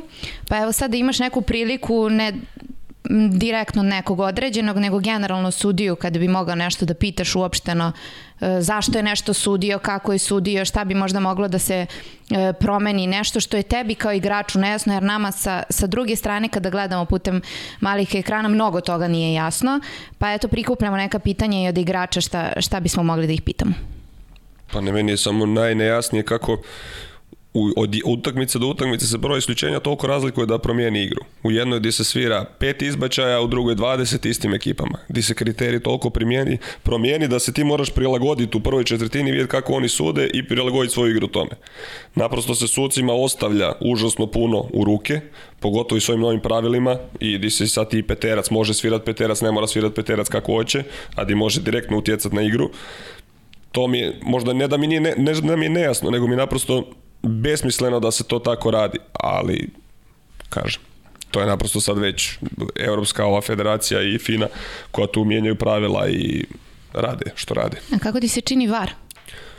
Pa VAR za pohvalu, mislim, mislim da je dobra stvar koliko god, sad iskreno ne znam, jer oni, to je opet stvar, ti gledaš utakmicu, oni ne pokazuju VAR. Znači, uh -huh. VAR ti ne pokažu da ti vidiš da li se slažeš s tom. Pa mislim, onda bar ako ste uveli VAR, dajte da mi gledatelji isto vidimo taj VAR, pa i onda je i tu odluku. Ali, pretpostavljam, valjda s VARom, da, ne, da manje griješe, nadam se. Mm. e, Lovre, jedan si od redkih koji, aktivnih igrača koji e, onako vole da otvore polemiku vezanu i za budućnost sporta, što je zaista pohvalno. Uh, Uh, samo dokaz koliko ti je stalo i da u principu treba da se da se radi na nekim reformama kako bi sport postao i gledljiviji, kako bi bio i ekonomski isplativiji i sve ti neki segmenti koji, koji treba da utiču na stabilnost sporta. Pa ajde malo da, da zagrebimo tu priču, ja bih je posvetio jednu pažnju. Šta ti misliš u osnovi kada govorimo samo igri? Šta je to što bi e, doprinelo da, da igra bude atraktivnija, interesantnija publici e, u nekoj budućnosti? Pa prvotno što mislim, i to je stvarno dosta igrača koji trenutno igra, misli da bi se Waterpolo naprosto trebao prebaciti da se igra ljeti. Da uh -huh. se mhm. igra od nekog četvrtog, petog mjeseca do desetog mjeseca, da se tu veći dio uhvati vani. Jer mislim da je puno zanimljivije, mi smo imali to nakon korone, tu jednu priliku gde smo mi završili sa Jadranom u polufinalu i pošto je bila korona, bio lockdown, to se nadoknađivalo u 6. 7. mjesecu. Mi smo igrali pred punim tribinama dolje na Zvončacu uh mhm. -huh. i to je bilo, ljudi su bili na plaži okolo i samo su se prebacili na tribine, bile su pune tribine, predvečer se igralo, pa to je, to je bila stvarno milina. Jedna mi od utakmica, baš iz tog razloga. I poslije smo i s reprezentacijom, dobro, te to igrali smo i s reprezentacijom uh mhm. -huh. preko ljeta, opet to. Ali mislim da bi klubovi tu puno više dobili, da to bude klubska sezona, a da se naprosto reprezentativna prebaci u zatvorene bazene, jer ima zatvoreni bazena koji to mogu podržati, reprezentacija je samim time zanimljivija, ajmo tako reći, da je se dođe ispratiti jer se može u Duna areni napraviti šta hoćeš mhm. zatvoreno. Prva stvar, mislim da bi to puno doprinjelo gledateljima, a naprosto taj sport se igra zbog gledatelja. Mhm, eto. Mhm. A što se tiče vaterpola, ko vaterpola, treba bi se smanjiti teren, nešto ovako okvirno, jer plivanje je najnezanimljiviji dio tog sporta, ta tranzicija, nije, to niko ne gleda. Mm -hmm. I možda napraviti neke stvari da se naprosto postiže više golova, sad da li je to smanjiti loptu, povećati gol, Eto, mm -hmm. to su neke ovako okosnice, sad to treba naravno i probat, oni su radili neke testove oko toga, zašto ništa nije promijenjeno, to treba mm -hmm. pitati ljude mm -hmm. iz Lene i Fine koji ta pravila donose, ali eto. Da, vidiš ti recimo, eto, ti pričaš o plivanju, a ti si baš recimo plivački dao mnogo evo, ovom timu Partizana i to je nešto što pričaju i stručnici sa strane koliko je Partizan dobio da kvalitetu uh, tvojim dolaskom. Ono, ono čega si još dotakao, to je i taj neki ekonomski deo, kada pričamo o nagradnim fondovima, i Lige šampiona, samom učešću klubova koji dobijaju, koji dobijaju pozivnice, u krajnjem slučaju platama igrača koje su sada, kada uporedimo s nekim drugim sportima, recimo vaterpolo, a ne da nije ni blizu košake, vaterpolo više nije ni blizu odbojke.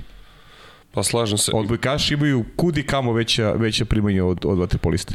Pa da, to je nekako i kad diskutiraš tim ljudima koji su prije igrali, ti ugovori u Vatrpolu su uvek smanjuju. Oni konstantno idu ka dolje. Uh mhm. -huh. Svugdje u svijetu plaće svih i, to jest ljudi djelatnosti koji nešto znače i vrijede, samo da prate inflaciju moraju ići gore. Uh mhm. -huh. Kod nas jedino ide dolje.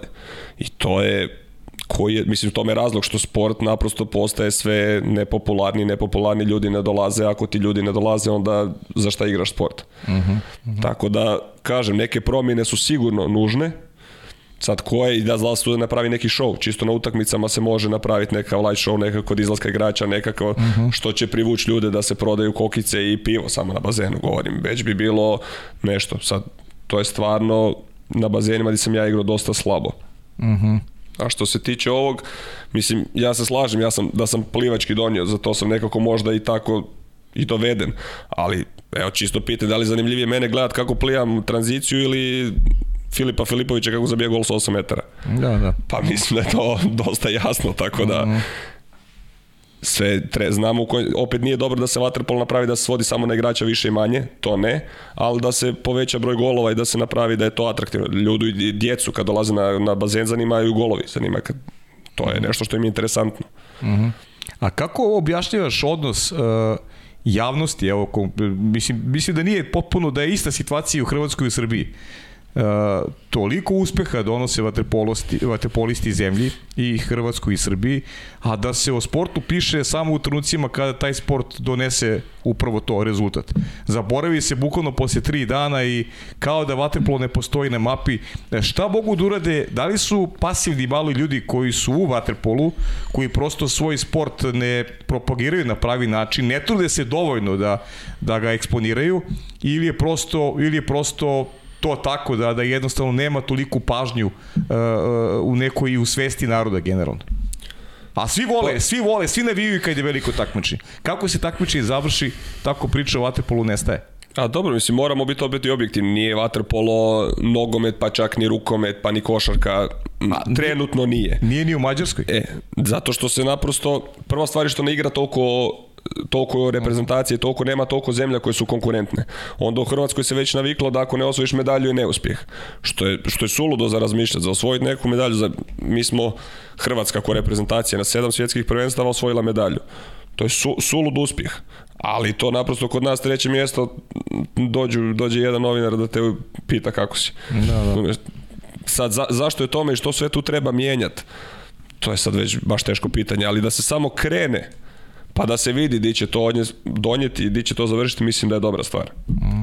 Pa ovi Mađari koji su svetska sila, pa imaju manje trofeja posljednjih dekadi od Srbije i Hrvatske, pa kod njih i dalje taj trend i ljubav prema vaterpolu i tekako, i tekako aktivan. Istina, dobro, kod njih je, to je baš vaterpolo je nacionalni sport i oni tu i puno više financijski ulažu u vaterpolo. I oni su nacija gdje se, mislim, najveći broj ljudi postupno rekreativno bavi sportom se ukupno i puno, mm -hmm. mislim, imaju bazena, boli glava i naspram Evo, Hrvatska je sad, je puno lakše govoriti, puno više i puno više bolje uslove i sve to skupa. Mm -hmm.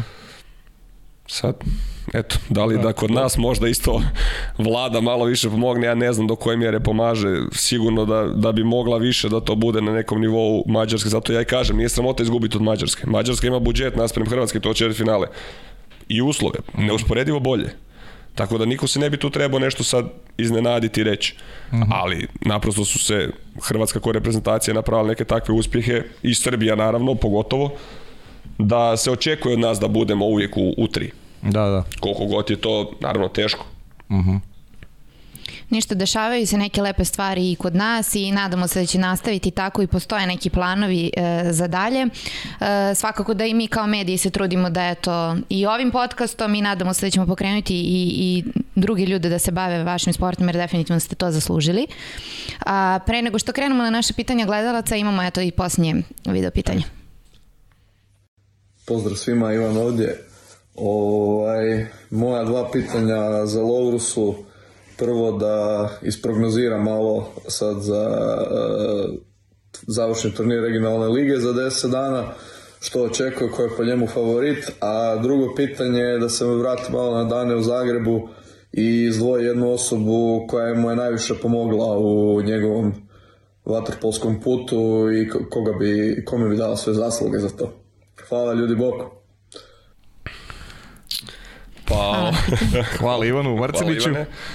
Ovaj, na regionalnoj ligi favorit je po meni, ko što sam rekao, Novi Beograd, ali možda bi mi, eto, da bude malo ovaj subjektivan, bilo najdrže da osvoji Jadran iz razloga što imam najviše igrača s kojima sam odrasao i igrao najduže mm. tamo, koji igraju trenutno tamo. Pa eto, ja im stvarno želim sreću i Ivanu s njima da pokušaju, pokušaju osvojiti taj trofej.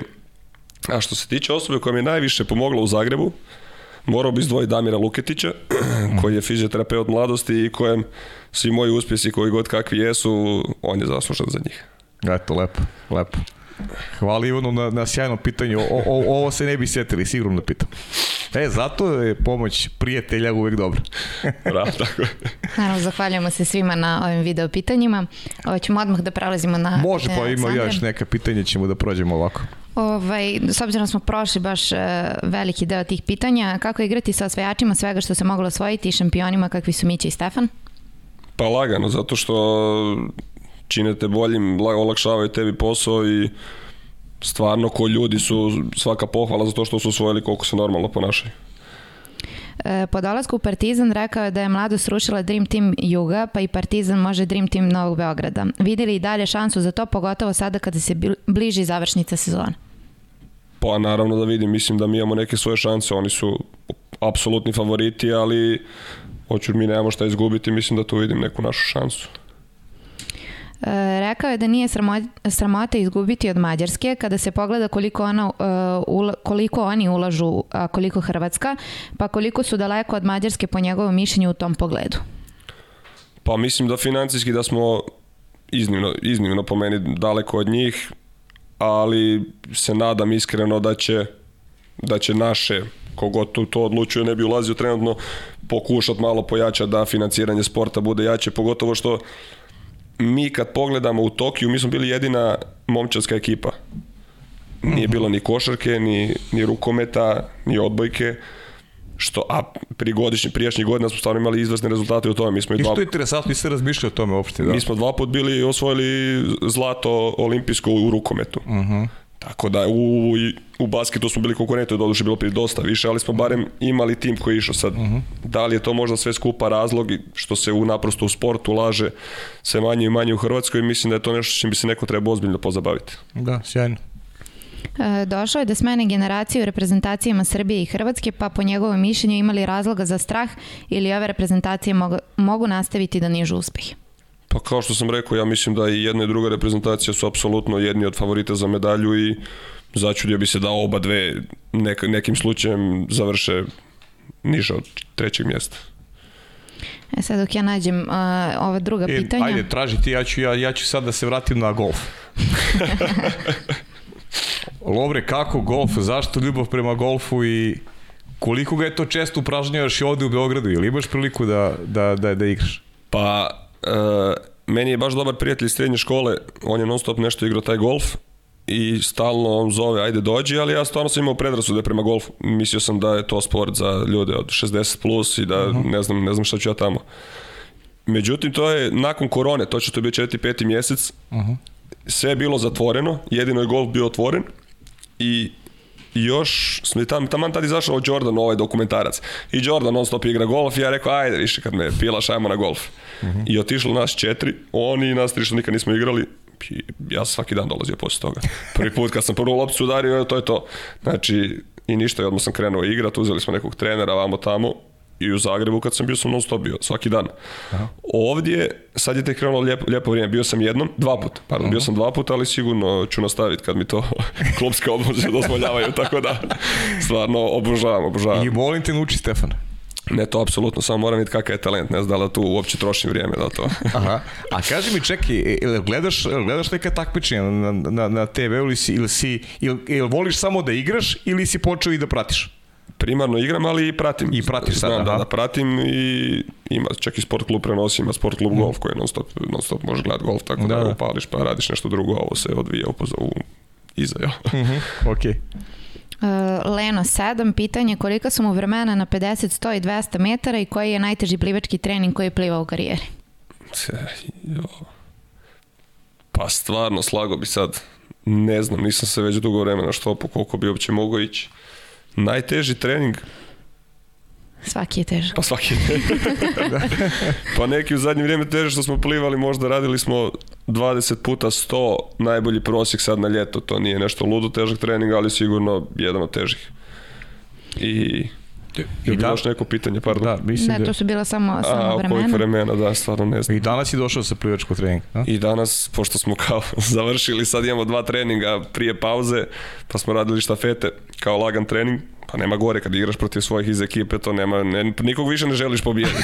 Te što su štafete su naj, najteže od svega. Tako da... E, pitanje Ognjen, e, da nije vaterpolista šta bi bio? Golfer. Golfer. e, da li je za uveđenje podvodnih sudija? Da, da. Da to budu kamere ili da budu Pa ili da budu ljudi. Da, pa da ne, da budu ljudi okolo. Ne, možda, da, kamere na kojima se vidi, pogotovo ako dođe do nekog, e, do nekog težeg, ajmo reći, udarca ozljede, uh mhm. -huh. ne vidim zašto to ne bi bilo loše.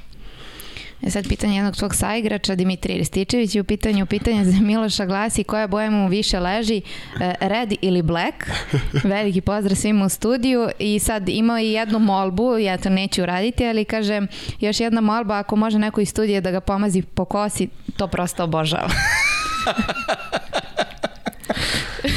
pa ovako uvijek, uvijek black, black, black. drugo Isto znam da ste njega imali na podcastu sad prošlu epizodu, ali ako isto on dođe, molio bi da ga zove ovaj deveti sprat isto pitate. Znači Di taj šta? deveti, deveti sprat je baš popularan. Di šta, tako, a ovaj za kosu, pa to ne bi sad ulazio, mislim da nema potrebe za tim. Dobro. Pa ništa, u suštini mnogo pitanja došlo, da li ćeš ostati u Partizanu, koji su planovi, dalje to si rekao da ne imaš neke dugoročne planove. Tako da u suštini to je to od, od pitanja. Pa da, ima ovih, ovih zanimljivih ovih priča vezanih za, opet se vraćamo na onu malo temu, još malo ćemo da, da prođemo mm, e, nagrade u Waterpolu, u Ligi šampiona, 40.000 evra za, za pobednika, ovamo imamo u nekim drugim sportima, to su više milionske cifre. Opet taj neki deo marketički, ti nisi kao igrač baš poznan da pričaš o, o tome na taj način, ali ali je zaista lepo što razmišljaš na tu temu, jer u krajnjem slučaju vatropo treba da se igra i posle tebe. Mislim, koliko god da traje ta karijera, treba nešto ostaviti mladima da mogu, da mogu od sporta koji vole da nešto i da zarade. To bi zaista bilo sjajno da se, da se malo pomeri ta neka, ta neka priča koja u tom pogledu nije baš najbolja u sport, sporta kojim se baviš. Pa nije sigurno, ja mislim da je sramotno naprosto da su nagrade takve kakve jesu uh mhm. -huh. i ovaj, da s tim ti malte ne, ne možeš pokriti troškove samo putovanja Lige prvaka cijele sezone tako cijele sezone ti ne možeš mm. pokriti a kamoli da išta od toga da daš neke nagrade igračima da onda pošto si osvojio spremaš se za drugu sezonu ali to je naprosto mislim da se vodstvo Waterpola u Fini i Leni već dugo nije mijenjalo i da je mhm. isto mm. i da naprosto neke promjene bi jako dobro došle Mhm. Uh -huh.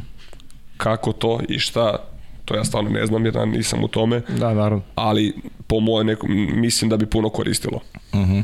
e, ima onih pitanja koje, eto nisi, to sam ostavio svesno za kraj, pitanja ko je, tebi, ko je za tebe najbolji igrač na svetu i ko ti je naj, najteži igrač, najte, najteži protivnik koga si imao do sada u karijeri? Najbolji igrač na svijetu trenutno ili? Možeš i generalno gledajući, ne mora da bude trenutno. Si imao nekog idola ti kad si bio klinac? Pa ne znam, nama su, da, možda koji idol kad odrastaš Perica Bukić i Dubravko Šimec, njih dva su mm -hmm. nego bila dva najveća da. tad hrvatska imena. Ove, ovaj, što se tiče najboljeg na svijetu trenutno, ne znam, po meni mislim da bi to bio Mandić, ne znam. Kad bi mm -hmm. ako možda birao jednu, Mandić i Ivović trenutno. Mm -hmm. Ne znam. A ovaj najbolji ikad, što mi je bilo naj, najdraže za gledati je sigurno sukno. Sukno? Da, što se tiče neke lakoće s kojom je taj vaterpolo igrao sad. Eto, naravno, bilo je tu igrača koliko hoćeš, ali eto, to je mhm. ovako mm. glave. A najteži protivnik kog si, kog si imao u bazenu? Možda Pietro Fioli. Nevjerojatno Pietro jak čovjek. aha. Ili, ili Ivović, ne znam. Stvarno njih dva fizički, to je nemoguće igra protiv njih. To je nevjerojatno. Mm. Fizički jak je pritom Pietro Filjoli koji je pa nevjerojatan pritom, plivač. Pa pliva je, došao je, Leka je bio tu jedan trening kad sam odradio s njim, on je brži od mene na, na plivanju. Leka. Leka Ivović. Mm to je, još onda na tu fiziku, pa to ko to može čuvati. Da, da, da, da. Tako da. dobro, le, Leku znamo dobro, ali da, za, sa Filjolija mnogi pričaju da je, da je to nerovatno, kombinacija snage i, i, da sam, i, i, i, brzine. S tim da sam ja već igrao protiv njega kad je on imao 33-4 godine, znači nije više bio u svojoj cvijetu mladosti. Da. Tako da mogu samo zamisliti kakav je prije bio, ali eto, Nekad Ali traje, eto, traju te, traje, te, traje. te stare kuke traju ne, dalje. nevjerovatno, stvarno nevjerovatno. ili vidiš sebe, u, u stvari ti i ne vidiš, ali ili može da se dogodi da, da ta karijera i potre? Šta treba da se desi pa da tvoja karijera potre, eto, kao recimo Leki Jović? To je to stvar nekog momentuma, trutka. Ja imam udise da, ti, da si ti osoba koja tako na, na, na, na trenutak, no kako se osjeća, prosto poštuje svoj osjećaj i, i, i, i, i stremi, i, i stremi tome.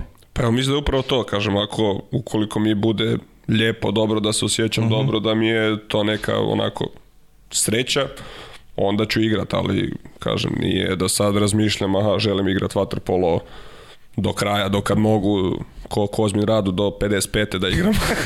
to mi stvarno ovaj, nije na pameti, ali eto, kažem, to je od osobe do osobe. Kazat ćemo ovo da znaš dobro. Da, da. e, e, ovaj, oć, oćemo porodicu, porodicu ostavimo za kraj. A, znaš šta volim, e, Lovre, ili e, ima nešto što što te ovaj nismo pitali Sara ja ti bi volao da kažeš da smo možda nešto preskočili zaboravili Mislim da ste bili jako detaljni. Da smo bili jako detaljni, ja. Mislim da... Možda i previše. da, ne, da, ne, da. nema više baš ništa za dodat. Dobro, dobro. Ono što mene zanima, recimo, eto, da se tvoja karijera i završi danas, sutra i za šest godina, da li imaš bilo kakve ambicije o tome da ostaneš u Waterpolu na nekoj drugoj poziciji? Znači, ne kao igrač, ali ne znam, u stručnom štabu, kao trener. Da li si ikada razmišljao u tom smeru? Pa nisam iskreno, ali mislim da trener nikad ne bi bio. Da li bi možda ostao u nekakvim drugim funkcijama, da ako sam u mogućnosti da pomogne Waterpolu, to sigurno, ali što se tiče trenerske i nekakve takve funkcije, mislim da to nije za mene. ali sad da. pošteno. pošteno. Ništa, za kraj uvek ostavljamo porodicu. Koliko ti je porodica bila podrška i kada si krenuo sa Waterpolom i koliko ti je ona danas e, podrška u svemu što radiš? Pa velika. Uvijek su, što god bi ja odabrao, uvijek su bili 100% iza mene. Nikad nije bilo da je nešto krivo, tako da 100% podrška od njih je uvijek bila i na tome im stvarno iskreno hvala. Mm. E, imaš, imaš brata i, ili... Imam i brata, i, i brata i... oboje stari, i brata i sestru. A su oni bave nekim sportom ili? E, igrao mi je brat basket, jer su meni i roditelji oba dvoje igrali basket. Igrali basket, da, aha. Tako da on je igrao čak i dobar basket, ali je imao tešku ozljedu, ima neki prijelom noge i onda je tu stao sa 18-19 je, aha. je to završilo. A sestra mi se nikad nije bavila sportom, ali ali ima, ima klinca jednog koji bi mogao biti jako dobar, tako da. Ju, tako? Da, on ima e. jedno pet godina, tako da sad čekam. A, da dobro, mali, mali, mali još da mali, ali ima, šta, da da, da, da, da, ali mislim da bi mogao biti potencijal. Super, ništa, pozdrav veliki za, za tvoju porodicu, neko vas prati sreće i zdravlje, tebi želimo mnogo sreće i do kraja ove sezone, pa izaberi šta tebi prija, da li ćeš da igraš i dalje ili ćeš da se postojiš nekim drugim stvarima, očigledno si ličnost koja ima ovako širok pogled na, na svet i na mogućnosti koje mu se otvaraju, pa izaberi ono što je tebi, onako što ti leži na srcu, a pa možda da se vidimo još neki put u ovom podcastu, ukoliko nastaviš karijeru, ukoliko ne, bit će mi drago da, da se čujemo povremeno i da vidimo šta se dešava ovaj, u tvom životu. Pa evo, hvala vam lijepo, hvala vam na pozivu, hvala što ste me primili i hvala vam što radite ovo i što pokušavate taj vaterpolo još malo podignuti. Mislim da radite sjajan posao, samo tako nastavite. Hvala puno, Lovre. Hvala puno. E, nadamo se da ste i vi uživali u ove evo, skoro dva sata um, ove Waterpolo priča. Do sledećeg četvrtka pratite naše Instagram profile, obavestit ćemo vas naravno o narednom gostu i sportski pozdrav. Ćao svima.